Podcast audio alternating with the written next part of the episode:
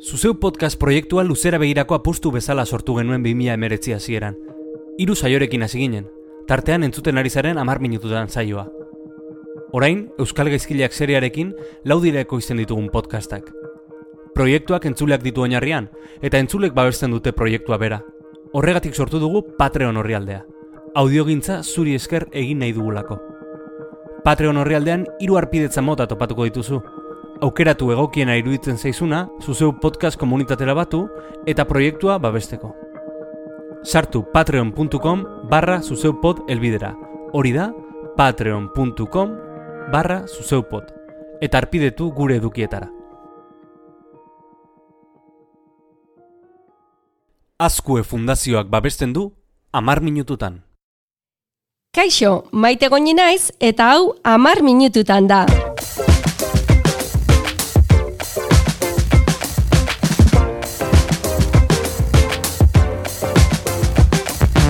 Denbora horretan, zuen galderei erantzungo dieten praktika errealak, benetakoak, azalduko dizkizuegu.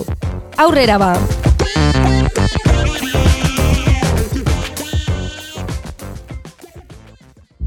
Opa maite, e, bueno, lehenengo zorionak podcastagatik, e, aspalditik nabilen zuten, lehenengo denboralditik, Eta esan behar dizut, gamifikazioa e, oso herramienta interesgarri iruditzen dela, baina ez daki dela oso ondo nola aplikatu ikasgelan. E, ez dut asmatzen e, e, nire helburuetara e, doitzea edo, edo e, bueno, moldatzea. Beraz ez dakite eukiko tezen nuken e, adibide praktikorik klasean hobeto aplikatzeko.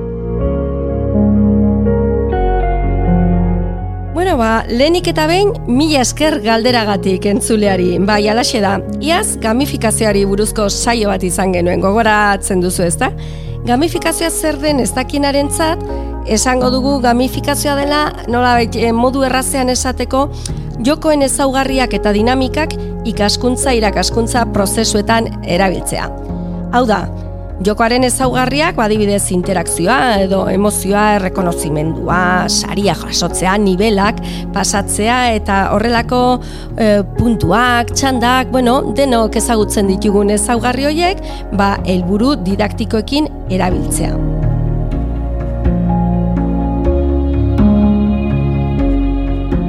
Baina, bueno, hori errex esaten da edo definizioak oso politia geratzen dira.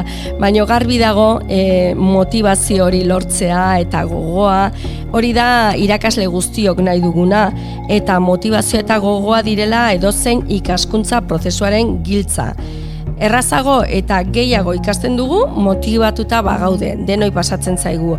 Alegia ikasten ari garen hori benetan interesatzen bazaigu, jakimina badaukagu, ba, edo arrazoi bat badu hori ikasteko, ba, lana lortuko dugulako, edo en, ez dakit e, beste dozein arrazoiren gatik, ba, askoz ere erresago egiten dugu lan eta askoz ere erresago ikasten dugu. Horregatik, ba, etengabe egoten gara irakasleok horren horren bila, e, motivazioaren bila eta hori, baino zoritxarrez badakigu hori ez dela inerresa nola heldu gai honi eta nola heldu gamifikazioaren praktika konkretu hori ez ez. E, gobidatu nahi dugu horretan e, eskarmentu luzea eta askotan nik beti bueno, laguna dut eta askotan entzun diot gamifikazioari buruz entzuten ez. Andon izan da bea, zornotzan da bi lamideziketan eta berak e, emango digu bere ikuspuntua gamifikazioaren inguruan eta hainbat estrategia eta nola aplikatzen dituen estrategia horiek kontatuko digu.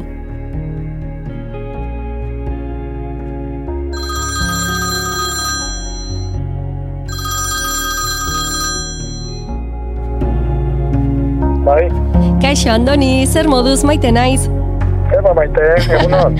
Egunon, hemen zuzenean entzulearen galderarekin hasiko gara ondo iruditzen bazaizu. Berak zioen, bai, berak zioen galderan, ez duela ezagutzen gamifikazioa ema, esperientzia konkreturik e, bere inguruan, eh? Ez, eta gustatuko bai. litzaiokela, adibidez zehatzen bat ezagutzea zerbait, benetan aplikagarria dena klasean probatzeko edo. Gu badakigu zuk izugarrizko esperientzia daukezula horretan, osea, nahi dezun tokitik hasi. Bueno, nik eh, indoten izan da prestatu topaote zen problemak ikasliekin, da ze gamifikazio estrategia aplikado, aplikadoten hori zuzentzeko. Mhm. Orduan, alde batetik, e, nik lamideziketan eitzen dut bihar, da problemetako bat da gogo ez agatatozela DBH-tik. Da, ja interesa galdute, oso kantxata, orduan, e, karo, kitxikatu biduz, aurrera itzeko. Beraz, oso gamifikazio mekanika interesantia da, historioa. Hau da, kurtsue, sartun bizu, historio baten barruen. Ez Mhm. nago esaten, ipuin bat izan bidanik, edo zeo zer e, magikue asko esaten dagoen moduen, ze lanbide ziketan adibidez, historia bat izan alda, e, enpresa bat montaten zule. Mhm. Orduan, enpresa hori aurrera atara bizu, e, bezeroek topa bizuz, produktu bat diseinatu bizu, eta bar, eta bar. Orduan, unitate didateko guztiak horren inguruan garatu itzen diez. Beraz, Mhm. kurtsoatik edatik, kurtsoa maila darte, jarraitasun narratiboa dako. Mhm. Eta horrek laguntzen die pixka bat e, kurtso osoan zehar, ezta? Ba, jarraipena edo zentzue bilatzen, ez? Egiten ari diren horri. Hori da, hori da. Ze askotan igual, ba, unitatiek solte dauz, asignatura askotan pasaten da. Mhm. Ba, leoko blokie eta bigarren blokiek ez dakoiela elkarrikusirik, Mhm. eta igual deskoneta iten daue, edo ez datzoi gustaten kurtso ezikerakue, baina gero horrengoku bai. Orduan hor, eh, alako pegamentu bat emon bidatxo horreri. Bale, orduan, e, mekanika bat horixe izango ditzateke, narrazioa sartzearena urte osoan zehar. Beste bat? Bigarrena, be oso importante da, mapie, mapa bat eukitzie. Mhm. Eurek, momentu oron jakin bida hoie nun dauzen. Ze bide eh, en jauien aurrera, Mhm. eta zenba falta datzoien ple- planifikazioen txeko bat, ba, karo, hori polit jarri bizu. Zenonok esango da, bueno, hori da urteko eh, programazioe. Mhm. Ba, bai, ba, karo, ez da berdine, eta niri pasadazte, asko galdetzen doztien. E, eta zer emongu urreoko unitatien, edo unitati hau nola puntuaten da. Mhm. Claro, denbora guztizen dauz, eta hori, programazioe publiko da, horiek ikusi alda huie. Bai, eh, ez diez molestaten. Orduan, mapa horren gamifikazio kutsu bat eukitzeko modue, izango zen infografi txiki bat prestatutie, koloretan. Bai, non jartzen zuz fatxiek, igual zirkulukaz, eta marka bategaz nun dauzen momentu horretan, eta nora ailega bida, nora ailega bida izen. Hori izango zen mapie. Bai, eta inventarioa. Inventario oso importanti da. Ze hor ikusten daue eurek, ze lortu daue momentur arte. Gure kasu tradizionalien argi dau notak dizela, ezta? Mhm. Notak eta ze lanak entregatu, baina horreri beste forma bat emoteko. Eta e, horretarako adibidez infografiak egiteko eta hori, e, zuk zeuk egiten dituzu, ezta? Programaren bat erabilita, mm, modu errazean baina- ze badakigu... Ba, Bai? Oso erraza da, eh? Ze Mhm. PowerPoint batega salzuz egin. Bale, edo bestela jakin dezatela intzulek, ba, badaudela e, Canva eta Canva eta horrelakoak ba, egiteko infografiak. Besterik gabe, segi, segi, Andoni. Bai, eh, galdetu arira, adibidez, Mhm. infografi politxe egitzeko, zekaro, askok esango da, oie, jo, e, bai, PowerPointa, baina ezkenien mugatu da, eta biharra asko dako, eta bar, eta bar. Bueno, dakozu, adibidez, e, web horri bat, deitzen dana, FreePic, bai? Free, e, libre dana inglese, Bai, free? eta PIC, P-I-K, Bai. kilokue. Mhm, Eta berton dakozuz, hainbeste grafiko vektorial, oso politxek, mhm, aldizenak e, kopiatu eta pega, baina aldiz ez lusatu, handitzu, eta ez da hoi resoluziorik galtzen. aha. Eta aldiz monta, kolas moduen, gauza politzako egitzeko. Mhm. Free pick. Ze elementu gehiago, mekanikaren bat gehiago, erabil Bai, bai, bai, bai. Beste problema nagusi bat, irakurtzeko ohitura eza. Mhm, esango nuke. Kostaten datzoie pilue irakurtzie. Mhm. Orduan, askotan be, e, pues igual azterketa bat amaitzute edo esplikazio bat emonda, eta hori ez esan, hori ez, ez dago inon, klaro. Amaik alditan esan zu, hortik dagoela PDF bat, edo dagoela Word bat, eta ez dago ikusi. Orduan, ba mekanika bat, inglesez deitzen da easter eggs, Paskuako arrautzek. Ah, Ez dakit ez- ez etuten bazun. ez? Ba, Bueno, ni justu da. easter egg hori ez dut ezagutzen. Easter, easter eggs. Hori da, leku konkretutan, zu kokatu itzen zuz, alako edo em, biltzeko gauzek edo premisuek. Orduan, eure dauz behartute, da sartzen testuen da irakurtzen, toparte hori premisuek. Aha, oso ona. Bai? Mhm. Pentsa, pentsa guzule, e, euri bihartu unitate bat irakurtzeko, ez, da, ez dakizu nola, badinazu bitxu. E, testu honetan sartun, eta ez daki zein berba topaten zuieniko, ze testu teknikutan berbak errepikatzen diez asko. Mhm. Hori berbie ikusten zuieniko, hartu paragrafoaren leoko, leoko berbie, bai? Bai, Eta ja, berba guztizetako zuieniko, hori berba, berba kopurue, edo urtetzen dan esaldize, hori izango da klabie. aha, Bai? eta hola, hori gero, bitartean hartu jolasten. kanjea, bai, bai. hori altzu kanjeatu, beste zeo zer baten truke. Eta zuk adibidez, zeren truke kanjaetzen dituzu horrelako gauzak?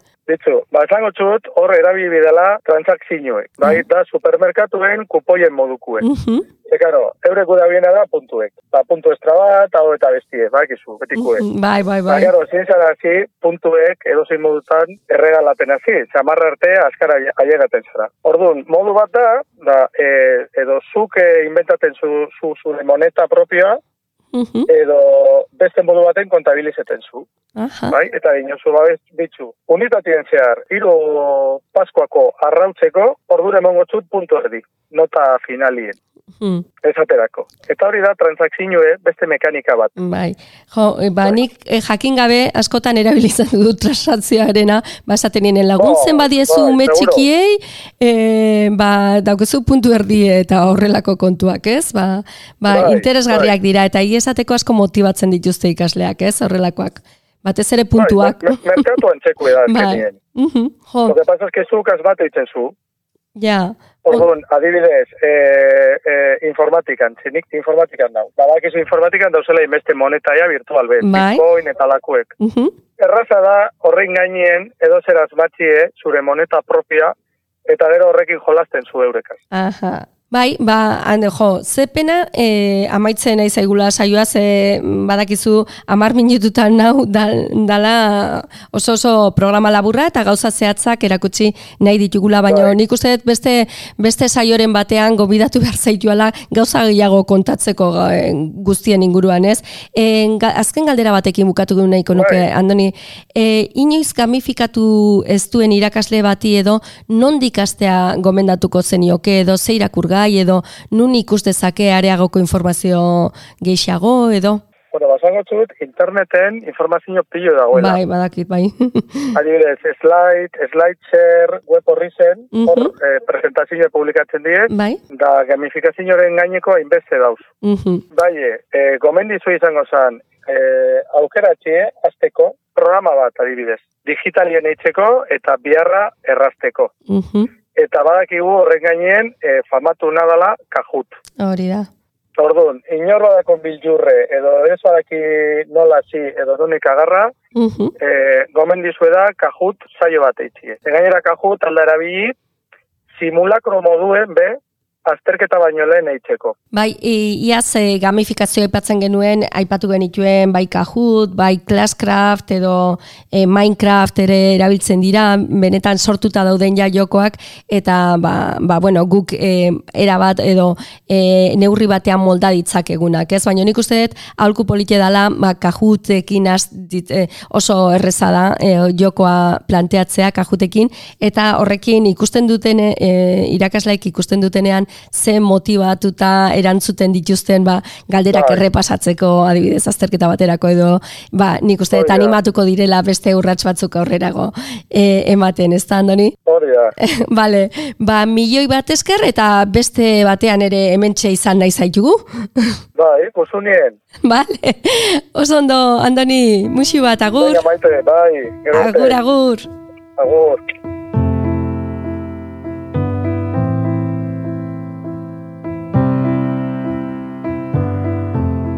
Bueno, ba, hauxe izan da gaurkoa, ez eh, pena bada, ze Andonik eh, asko kontrolatzen du gaia eta beste mekanika askori buruz ere itzein dezake, ez ba, nola saritu edo nola egin mailaketa ezberdinak, mekanika asko daude, baina nik uste dut hiru hoiek hasteko ba, oso interesgarriak direla eta oso aplikagarriak eh, bihar bertan aplikatzeko modukoak. Pista batzuk eman dizkigu eta gehiago nahi balima dituzue, ba, jarraitu Andoni Sanz eh, Twitterren eta berak ba, bere aurkezpenak eta antxe uzten ditu eta gaiaren inguruan nahi balin baduzue gehiago jakin, ba, sartu slidesharen, slideshare e, gunean eta han aurkezpen mordo bat gamifikazio hitza, gamification, ingelesez jartzen bali baduzue, topatuko duzue informazio desente, ba, harri, ari horretatik tira egiteko. Eta gu gure aldetik, ba, gogoratu, zuen galdera, kezkak eta hoien zain geratzen garala, saiatuko garela hoiei erantzuten aldala e, kasu praktikoekin eta zuekin hitz eginez, eta nahi balin badigu zuen mezua, e, utzi, ba, sare sozialetan jarri harremanetan gurekin, edo bestela telegramen daukagu talde bat. Topatzen balin badizue telegramen sartu, eta mar minututan ez da kanala, talde bada, eta talde horri gehituta, e, jarriko dugu elbidea baita, hemen e, honekin batera, mezu honekin batera jarriko dugu elbidea, eta batu gure taldera, eta utzi zuen audioa ba, urrengo batean e, guk erantzun izateko. Ba, izan da guztia, urren erarte!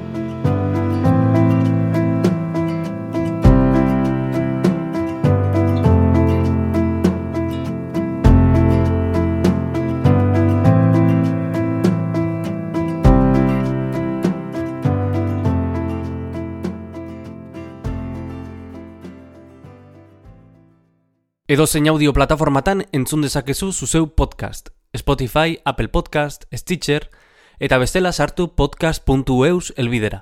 Hori da, podcast.eus. Eta bertan topatuko dituzu ekoizten ditugun saio guztiak.